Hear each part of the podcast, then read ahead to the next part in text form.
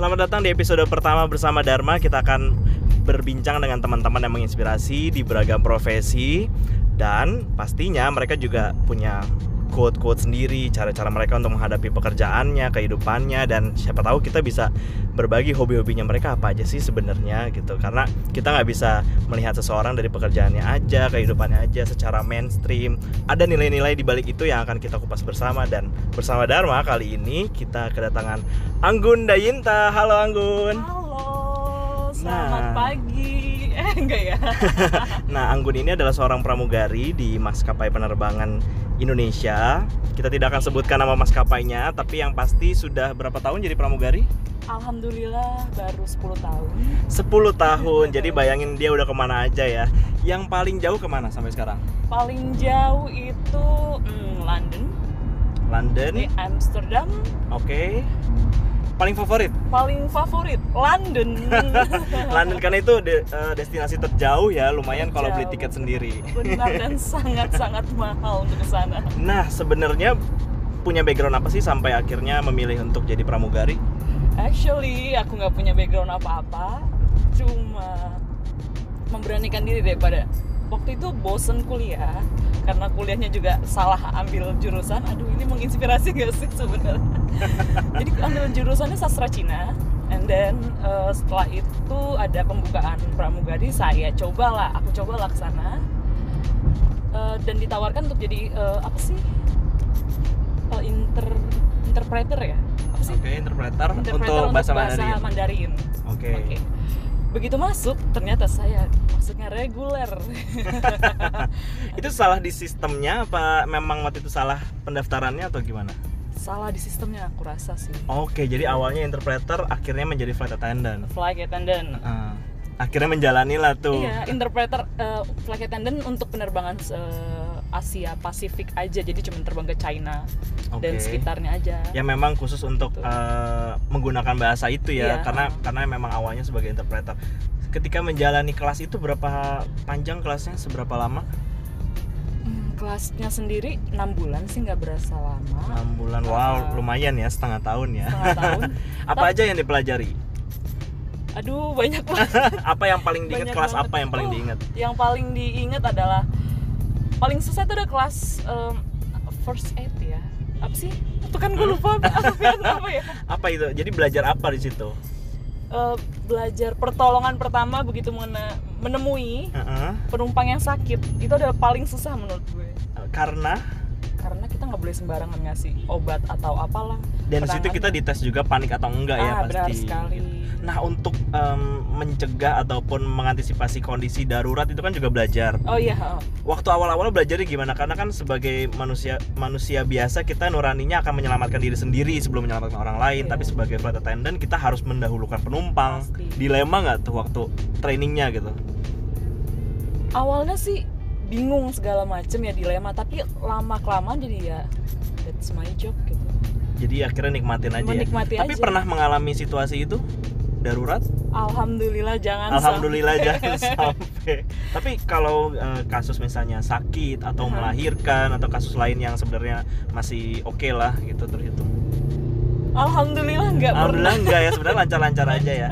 Itu untuk case eh, apa namanya luar biasa mungkin satu Iya. banding berapa gitu Banget. ya. soalnya banyak temen aku tuh ya yang kayak menemukan melahirkan di pesawat Wow. atau orang mau meninggal dan mereka harus beri apa sih CPR or something itu Iya. bener-bener yang wow Dan itu kalau misalkan salah bertindak kan kita bukan cuma eh, nyawa orang bergantung sama Uh-huh, kita gitu, uh-huh. tapi kan ada nah, penumpang lain yang mungkin jadi netizennya, Iya. ada yang ngejudge di situ Ngejudge, iya.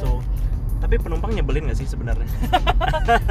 penumpang? Aduh penumpang nyebelin apa enggak ya? Itu enggak sih sebenarnya based on pribadi masing-masing. Aku nggak mau bilang kalau wah penumpang dari India bentukannya begini. Hanya beberapa dan Hanya oknum-oknum aja. oknum-oknum aja Contohnya gimana? Kalau misalnya penumpang dari Asia biasanya habitnya apa?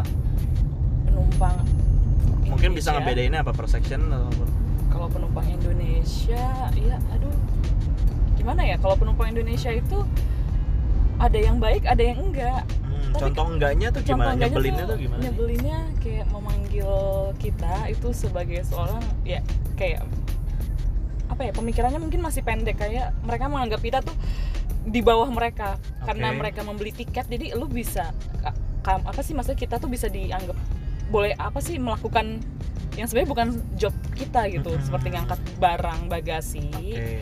Itu di buku panduan aku sebagai flight attendant flight attendant pun tuh nggak ada untuk angkat Mhm. bagasi sama sekali karena once kita kena HNP atau apa penyakit yang tulang belakang itu kita Mhm. nggak akan di cover oleh Oke. perusahaan apa Jadi sebenarnya mereka belum bisa membedakan mana yang job desk-nya flight attendant dengan apa yang harusnya penumpang lakukan Iya, ya. ha. Gitu. Itu salahnya di sosialisasi eh, apanya? Apakah flight attendant-nya kadang harus ngasih tahu ke penumpang kalau itu bukan jobnya dia atau sebagai flight attendant kita harus tetap bantu?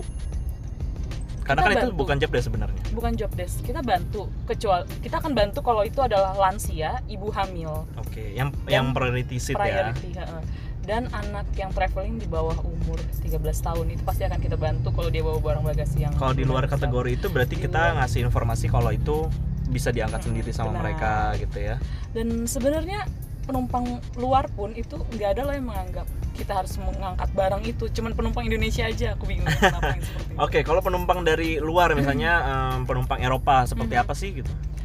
Penumpang E- Eropa tuh lovely banget mereka sangat sopan selalu memberikan kata please tolong atau em, apa ya pokoknya sesuatu Secara etika mereka sangat Oh, ini ya, iya. hati-hati, Iya. eh, santun gitu ya. dan nggak pernah toel toel Toel toel. oh nah, iya sebenarnya yang yang nyebelin dari penumpang asing tuh apa? yang nyebelin Mm, kalau dari penumpang asing. ada tabiat orang yang gak mau rugi karena mereka tahu harga tiketnya mahal jadi mereka ekspektasi mereka tuh tinggi kayak Oke. misalnya kita sudah memberikan apa yang pas apa yang memang itu harus didapatkan oleh penumpang tapi Hmm. mereka menginginkan yang lebih dari itu Oh, misalnya mungkin Misalnya, makanan, minuman. Enggak. makanan minuman pasti tapi Ah. mereka akan berpura-pura sakit Oke. untuk untuk duduk di bisnis kelas Oke.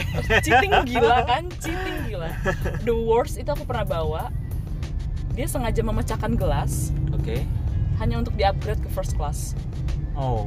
Eh, apa korelasinya memecahkan gelas dan dia bisa di-upgrade ke first class? jadi mm, penumpang ini mengatakan bahwasannya ini kenapa kamu memberikan gelas pecah ke anak saya Oke. itu itu sangat bahaya sekali padahal oh my god itu pecahnya besar banget Trivo Ah. make sense nggak sih seorang pramugari kasih itu ke anak kecil Iya. Oke oke Dan itu dia bilang- hal-hal nyebelin kayak gitu terjadi sebenarnya ya. Parah, parah. dan dia langsung menuntut dia bilang "Eh, saya saya minta di upgrade pokoknya ke first class karena ini akan mencelakakan anak saya kalau anak Ini saya ini penumpang asing nih. penumpang eh, ya UK Oh dari UK. Nah di beberapa maskapai kan juga eh, banyak ya selebriti yang naik di sana kemudian eh, tujuannya mungkin lebih banyak internasional gitu. Hmm. Selebriti Indonesia agak-agak kampungan gak sih? Atau mereka juga nyebelin gitu? Hmm. Karena kan mereka manusia juga nggak mungkin sempurna gitu sikapnya gitu. aduh Mungkin nggak usah sebut nama tapi sikapnya mereka gitu pernah ada yang nyebelin gak sih? kayak nggak usah disebut nama tapi gimana ya ini kanan kiri sih ya Ini kanan. Terus kanan oke Terus- Ini sambil jalan by the way.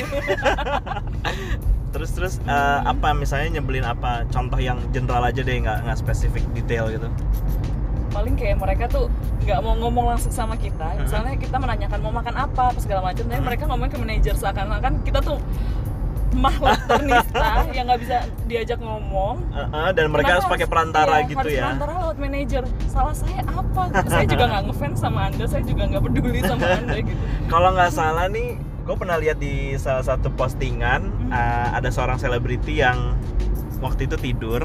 Iya Eh, dilemanya adalah nawarin makan atau bangunin dia atau enggak. Aha. pernah kan terjadi di eh, apa namanya? kalau di flight flight gue pernah. Ah, itu. Tapi Nah itu dilema nggak sih ngebangunin orang? Kalau misalnya penumpang biasa mungkin oke tapi selebriti kan mereka butuh istirahat, Istirahat. katanya gitu. Walaupun semua orang sebenarnya butuh. Kadang mereka kan nyebelin ya eh, posting di Instagram dan lain-lain. Hal itu ya. Yes gitu. Apa yang dilakukan seorang pramugari Ki- aku sih di waktu itu diajarinnya Mhm. kalau bisnis kelas selama dia tidur jangan pernah diganggu. Oke. Tapi kalau ekonomi kelas itu kalau dia tidur eh, ya dibangunkan tapi pelan-pelan. Mhm. karena takutnya dia eh, kita dia merasa nggak dibangunkan dia yang komplain gitu. Karena dia nggak dapat makan misalnya Iya, gitu itu akan itu jadi komplain di kejadian seperti itu. Oh. kita nggak mau ganggu tapi ternyata kenapa saya nggak dibangunkan? Itu yang di ekonomi seperti itu. Hmm, oke oke. Kalau penerbangan haji atau umroh Heeh. Itu kan eh, berbeda culture-nya dengan orang-orang yang memang biasa melakukan penerbangan ke luar kota untuk liburan ataupun kerja ya gitu. Mereka mungkin baru pertama kali naik, Naik pesawat, pesawat, iya. kemudian ada yang usianya sangat lanjut gitu dan mereka serombongan besar ratusan orang. Em, ada treatment khusus nggak buat mereka gitu? sabar Sabar itu yang paling penting ya. Karena sedih si Rivo ya Mm-mm. mereka tuh ngeliat pesawat tuh kayak mereka nggak tahu cara pakai apa tuh eh, inter entertainment pesawat kayak TV-nya itu mereka Ya. dia mereka nggak bisa recline apa segala macam Ah. mereka nggak bisa gunain toilet jadi kita emang bener-bener sabar Mm-mm. harus ngajain satu persatu Mm-mm.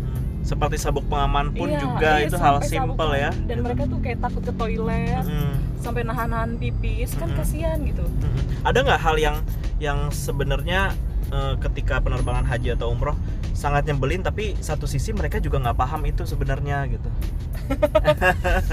Em, Ini kita akan korek ya, korek hal-hal yang paling manusiawi sebagai pramugari ini. Apa sih yang ya? mungkin mereka melakukan sesuatu yang harusnya nggak boleh tapi karena mereka nggak tahu kita justru jadi kasihan sama mereka gitu. Apa Hmm. misalnya? Enggak sih kebanyakan tuh ya yang kayak misalnya dari yang bener-bener dari pedesaan yang jarang banget naik pesawat Mhm. itu mereka kayaknya memang anteng aja sih po Anteng ya. Anteng Lebih aja. memilih untuk di tempat duduk aja Iya, dibandingkan jalan-jalan ya. dibanding eh, oh atau enggak kayak misalnya habis landing atau pas mau take off mereka mau ke toilet Mhm. kan itu sebenarnya kita udah report ke cockpit untuk eh, cabin clear nggak boleh ada yang ke toilet pas segala macam paling Oke. kayak gitu sih sepele udah sih itu aja Eh, misalnya penggunaan kamar mandi Eh, penumpang-penumpang yang baru naik pesawat gitu di penerbangan haji umroh mungkin ada hal-hal yang Anggun temui di kamar mandi. balik lagi Rivo itu kita harus sabar Rivo itu kan kita membawa orang untuk beribadah loh Iya. amin amin ya rabbal alamin semoga kita Ah. dapat pahalanya Iya loh banget. kita harus benar-benar Tapi itu terjadi aja. ya. iya kamu mau lihat ada pupi di pinggiran nah, sorry itu bisa di gitu Tapi memang sebenarnya sosialisasi untuk eh, menggunakan fasilitas penerbangan memang kurang. Kalau kita nggak naik pesawat, kita bahkan nggak tahu apa-apa kan Heeh. tentang pesawat itu gitu. Mungkin itu yang kurang eh, disosialisasikan ke mereka gitu. Tapi yang paling Anggun senengin selama menjadi pramugari apa sih? Apa yang harus eh, Anggun ceritain ke orang-orang yang akan menjadi pramugari di kemudian hari? Iming-imingnya apa gitu istilahnya? Iming-imingnya yang paling menyenangkan paling apa? menyenangkan adalah jalan-jalan gratis Rivo Itu ya. Cap paspor Jalan. sampai Ya. penuh. nggak ada nggak ada cap paspor Oh, nggak? sama sekali iya bersih tapi jalan-jalan gratis Mm-mm. terus karena aku memang suka banget kayak apa sih kan kita berdua tuh anaknya artsy ya Jadi menikmati tempat-tempat bersejarah dan museum di Iya. negara-negara lain gitu ya. dan kalau menemui penumpang nyebelin udah deh mendingan apa sih ya di mana disimpan dalam hati dipikirin diajak berantem tuh penumpangnya Mm-mm. nggak usah mending Jangan dihitung aja. jadi beban ya. jangan jadi beban Oke. jalanin aja hitung-hitung yang namanya kerjaan kapan lagi kita ber- bekerja terus jalan-jalan gratis alhamdulillah eh, gajinya juga alhamdulillah Mhm. gitu Nah, sebagai uh, pramugari kan dekat sekali hubungannya dengan pilot. oh gitu. Banyak nih terjadi cinlok gitu di antara pilot Iya. dan pramugari. Cinloknya untuk pacaran doang atau banyak yang ke jenjang banyak pernikahan yang juga? nikah banyak banyak Banyak ya? banyak yang nikah Gitu. Tapi memang biasanya suka dijodoh-jodohin gitu atau uh, biasanya atau terjadi begitu aja gitu? aku nggak pernah cinlok ya Belum kali. aduh atau karena itu udah semua jadi temen gitu Nah, ya? enakan jadi teman sih sebenarnya kalau dengan rekan kerja gitu. Karena Mm. tahu sendiri kan ada Nah, senior senior gimana? Waktu waktu awal-awal masuk nih gitu. Ah. Di setiap perusahaan kan pasti ada senioritasnya. wah, wah ini ya. Eh, pernah nggak sih ngerasa em, seniornya kayaknya kelewatan deh? Mungkin dari segi verbal, omongannya gitu, ataupun dari sikapnya gitu. Itu kan sebenarnya manusiawi ya, ada di Hmm. semua perusahaan, di semua kampus gitu. Tapi terjadi pula di dunia pramugari. Of course. Mm-mm. Itu Tapi terjadi. sebagai senior pramugari senior saat ini gimana terhadap junior? Apakah ternyata punya sudut pandang yang sama kayak senior zaman dulu gitu? Um, kalau sekarang sih lebih santai ya ketimbang dulu ya. Kalau dulu tuh kayak aku paling junior tuh ya aku kerja sendiri mbak mbaknya ya udah tuh di dapur Mbaknya istirahat, foto-foto. cantik gitu kalau sekarang tuh kayak kayak ya udah ya culture-nya udah nggak terlalu senioritas udah, ya. iya, udah nggak terlalu lebih deket sih sekarang. Mungkin udah nggak ngetren kali eh, senioritas. Kalau dulu kan kayak yang senioritas emang lebih tinggi. Mhm. dan kita justru sekarang malah membela eh, anti bullying di Anti-bullying. mana-mana gitu. Iya, as long as dia kerjanya bagus dia nggak nggak males sama penumpang apa segala macam kayak nggak perlu bullying apa apa deh. Hmm. apa sih namanya eh, ah, how to say ya oh ya? Maksudnya apa sih aku lupa deh bahasanya apa ya maksudnya gue lupa tuh skip Jadi sebenarnya sebagai seorang senior pun juga udah udah jadi malas untuk melakukan senioritas karena udah dirasa nggak perlu. nggak gitu. perlu itu nggak penting buat apa Balas dendam nggak perlu. balas dendam buat apa biarkanlah Tuhan yang membalas Oke ini ini senior yang baik kayaknya ya. mungkin ada, tapi masih ada beberapa angkatan anggun yang mungkin melakukan itu ke junior. Misalnya dari segi perkataan atau misalnya dari sikap gitu nggak mau terlalu banyak ngobrol sama junior. Gitu. biasanya kalau juniornya itu belagu junior Mhm. itu males kerja juniornya itu cuma main handphone Artinya ada alasan yang pas Iya. untuk nggak terlalu banyak interaksi sama dia Hmm. gitu ya. Gitu. Tapi sebagai sebagai em, pramugari apa sih satu hal yang penumpang nggak tahu di dalam pesawat gitu? Apa sih yang bisa dibocorin gitu? Misalnya em, apa ya?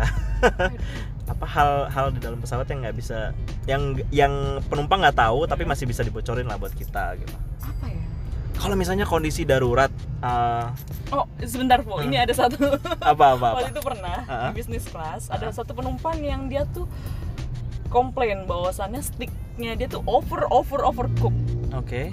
kita bingung itu makanan itu kan sudah jadi di Iya. pesawat dan kita tuh cuman panasin doang Iya. ini bukan restoran aku tuh bingung mesti ngapain Terus apa yang dilakukan waktu itu?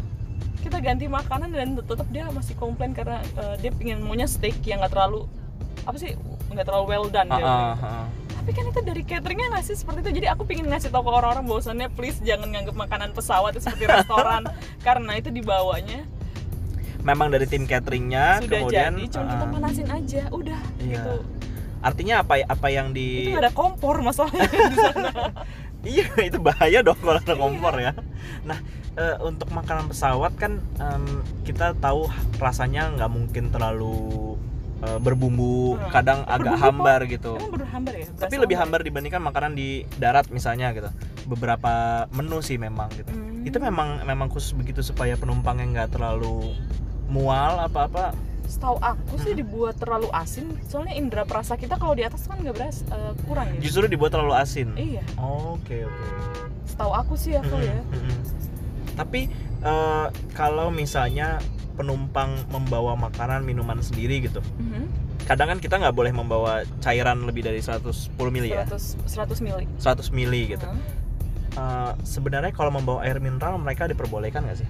Air mineral kalau untuk domestik itu kayaknya nggak apa-apa Mm-mm, tapi kalau internasional eh bo- nggak boleh mm-mm. kalau sudah melewati apa sih melewati X-ray yang X-ray yang Terakhir. iya yang terakhir tapi kayak kalau nggak salah kalau misalnya setelah itu ada restoran kita bawa Mhm. minuman juga it's okay nggak apa-apa. Oh cuma di X-ray terakhir aja itu Iya. yang memang lebih ketat ya? iya Gitu. tapi kamu mendingan biasain aja bawa tempat minum kosong nanti tinggal aja minta ke mbaknya Oh bisa refill di Bisa pesawat. dong. Oh itu bagus ya buat Bisa. mengurangi sampah plastik Banget, juga daripada beli lagi beli lagi Iya. gitu.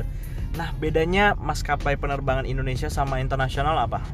bedanya kami menjual keramah tamahan Indonesia yang makanya aduh gue mau bakal nyebut merek nih Jangan, jangan, jangan, dong, jangan. jangan dong.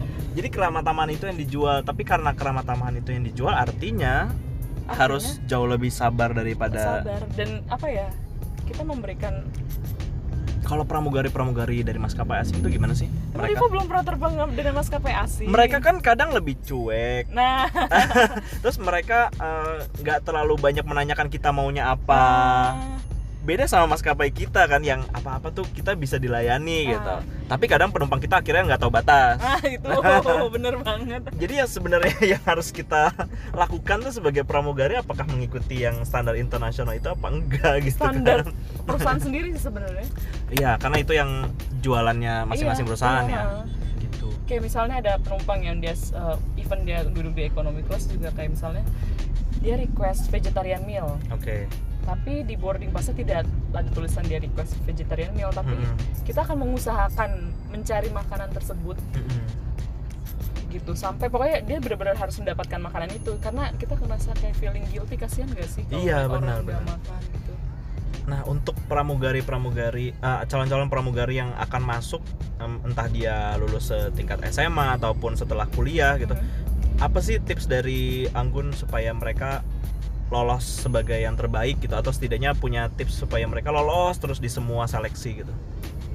Apa dulu yang Anggun lakukan supaya bisa lolos gitu? faktor luck deh kayaknya lo sendiri kan Faktornya Bimo. tetap salah satu sih gitu kan. betapa tomboynya gue waktu itu Biasanya apa yang dicari dari maskapai penerbangan tuh? Orangnya seperti apa sih? Apa yang cantik aja? Apa yang mas pintar mas aja? hubungin HRD-nya aja aku juga bingung Kalau ya? dilihat dari teman-teman waktu itu seangkatan mereka rata-rata apakah uh, memang memiliki standar fisik tertentu atau punya kompetensi tertentu? bahkan Mm-mm. teman aku yang dia cantik tinggi segala macam dia nggak terima aku juga bingung loh Apa mungkin karena dia nggak boleh terlalu tinggi? Banyak yang tinggi juga 170 Oh, 173 176 Jadi sebenarnya kita nggak tahu pasti apa tahu kriterianya pasti ya. kriterianya aku juga masih bingung nah kayak teman aku dia tuh cantik Mm-mm. pinter S1 Mm-mm. di lulusan London Mm-mm. dia keterima di tempat aku tapi keterimanya di airlines luar Oh mungkin dia udah jadi ngikut standar luar kali ya malah ya. Nah ada kan orang-orang Indonesia yang memang masuk ke maskapai penerbangan asing nih gitu. Eh, apalagi mukanya sangat otentik Indonesia, terus eh, mungkin dia punya eh, jiwa ramah tamah tadi gitu yang nggak ada di maskapai penerbangan asing gitu. Sebenarnya kalau dari Anggun sendiri banyak nggak sih teman-teman dari kantor yang akhirnya pindah ke maskapai asing? banyak. Banyak ya? Iya. Apa yang mereka cari dari maskapai penerbangan asing? Selain gaji ya? Gaji itu udah pasti gitu. Selain gaji apa sih yang mereka cari? Kalau di luar itu kan lebih banyak lagi destinasinya kayak Mm-mm. kamu bisa ke US, bisa ke. Afrika, bisa ke Iya. Maldives, yuk. destinasi yang bahkan aneh-aneh dan kita Hmm. belum dengar gitu ya. Gitu. Tapi ada rencana buat ke maskapai asing? Aku sudah udah cinta sudah menjadi pegawai tetap di sini. sudah cinta ya sudah cinta sekali, sudah tahu. oke satu pesan terakhir dari Anggun Oh ini yang buat- terakhir nggak mau panjang lagi. aku masih pengen ditanya. oh serius Kasihan yang dengerin.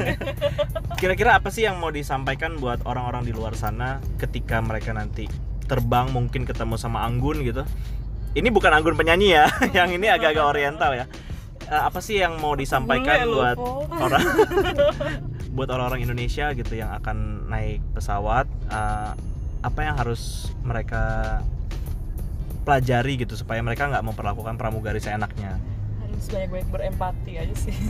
berempati merasakan sebenarnya Merasakan. pekerjaan pramugari itu gimana iya, ya?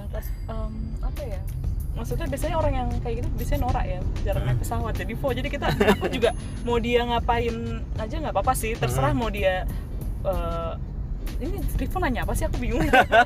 Jadi sebenarnya apa apa yang mau aku baru disampaikan? pulang terbang loh kemarin. Masih agak jet lag ya aku tanya-tanya ya.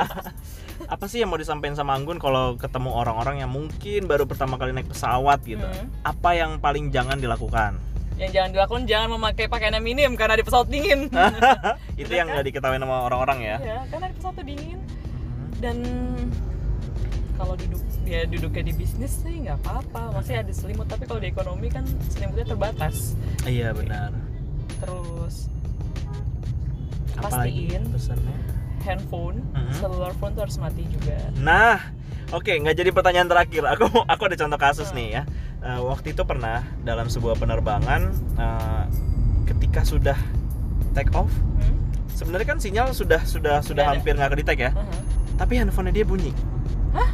Jadi ini baru-baru banget take off. Kayak Oh, detik-detik pertama take take Oh, off itu itu masih kayak bisa emang masih bisa itu bikin dia- kita deg-degan sih, Mhm. deg-degan banget. Tapi se- eh, benerkah eh, itu membuat kondisinya sedarurat itu ketika handphone nyala?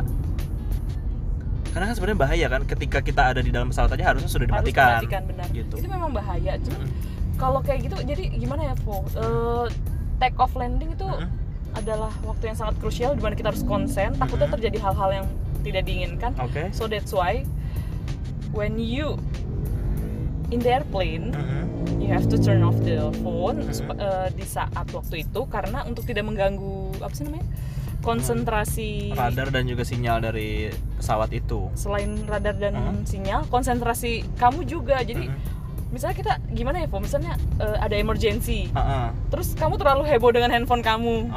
Sampai Oke, harus- ini itu- baik sebagai pramugari dan penumpang sama-sama nggak fokus jadinya jadi ya. nggak fokus iya itu sebenarnya salah satu alasannya itu juga sih Po harus fokus Oke, saat-saat berarti itu. ini satu satu pesan buat kita semua ya. Jadi kalau misalkan naik pesawat, pastikan uh, sinyal telekomunikasi sudah dimatikan, semua perangkat elektronik, apalagi ketika take off dan landing karena itu masa krusial. iya Terbanyak kasus kecelakaan memang di saat take off dan landing take off itu dan kan. landing. Gitu. lagian itu cuma butuh berapa menit doang sih Mhm. Sabar-sabarlah Sabar-sabar gitu. aja. balik dong seperti zaman 95 tidak ada handphone apa segala macam Iya, ngobrol sama penumpang sebelah Iya. siapa tahu cinlok. aduh Anjir, Oke, loh. terima kasih Anggun. Waktunya kita akan ketemu di episode lain bersama narasumber lain yang tentunya menginspirasi. Sampai jumpa di Eh, add episode Instagram berikutnya. aku ya di Oke. Apa? At Megan Fox, terima kasih. Megan Fox. Instagram aslinya nanti akan kita mention. Oke. Terima kasih Anggun. Iya, Sampai terima jumpa. kasih, Nico. Sampai jumpa.